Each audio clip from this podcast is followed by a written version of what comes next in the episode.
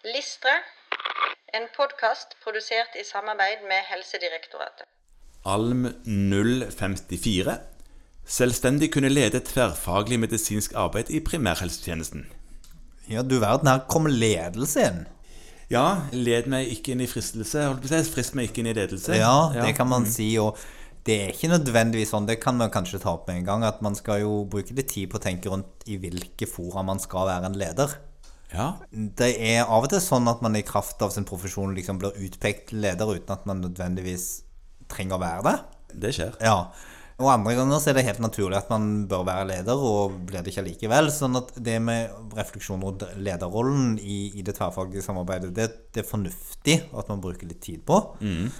Nå er det sånn at i mange fora så, så vil man som fastlege og spesialist i allmennmedisin være en slags koordinerende enhet, og det er naturlig at man har et slags lederansvar. Dette er noe man i stor grad må skaffe seg erfaring med gjennom forskjellig tverrfaglig samarbeid, f.eks. ansvarsgrupper eller lignende. Og noen ganger skal man være leder, andre ganger ikke. Ja, Noen ganger skal man bare være deltaker, for noen ganger så er det si, helse og omsorg i kommunen som styrer et litt sånn større apparat rundt enkelte pasienter. Ja, og da har du kun fagansvar for ditt område, og Ja. er en slags medisinskfaglig rådgiver, ikke nødvendigvis leder. Det som læringsmålet sier at man skal kunne være leder.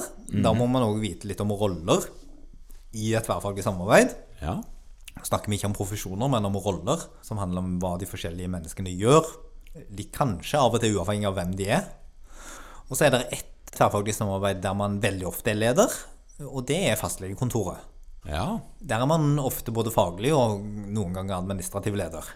ja tenker du på driften av fastlegekontoret? Ja. ja, det er sant. Eh, Og det er òg et, eh, et eh, tverrfaglig medisinsk arbeid som er viktig å huske på. Ja, Og det med lederrolle er noe man må utvikle over tid. Og noe man må øve seg på. Og akkurat på fastlegekontoret så er kanskje lederrollen òg assosiert med litt mer sånn klassisk sjefsrolle. Ja. Men en lederrolle i et team rundt en pasient som er bruker av flere kommunale helsetilbud, der er ikke nødvendigvis lederrollen det samme som eh, en sjef. Det er bare en slags koordinerende fagansvarsperson. Ja. Så, så man må på en måte ha en viss forståelse for ulike lederroller. Ja. Og hva det innebærer, og hva det betyr. Og jobbe videre ut ifra det eh, når man skal bli kompetent i dette læringsmålet. ja. Det handler mye om erfaring. altså I, i læringsmålet så er det ikke lista noen spesifikke læringsarenaer. Jeg tror jo veilederen din blir veldig avgjørende i, i denne jobben her.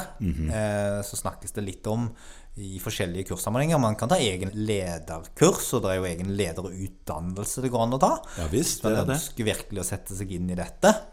Men det kan være interessant for læringens del å ta utgangspunkt i pasienter med komplekse behov, eh, og se på hvem som innehar ulike roller i arbeidet rundt den pasienten. Men realistisk sett så blir man vel ofte bare kasta ut i det i eh, forbindelse med utdannelsen sin, og kan henge med veileder kanskje, og se hvordan det blir gjort i praksis.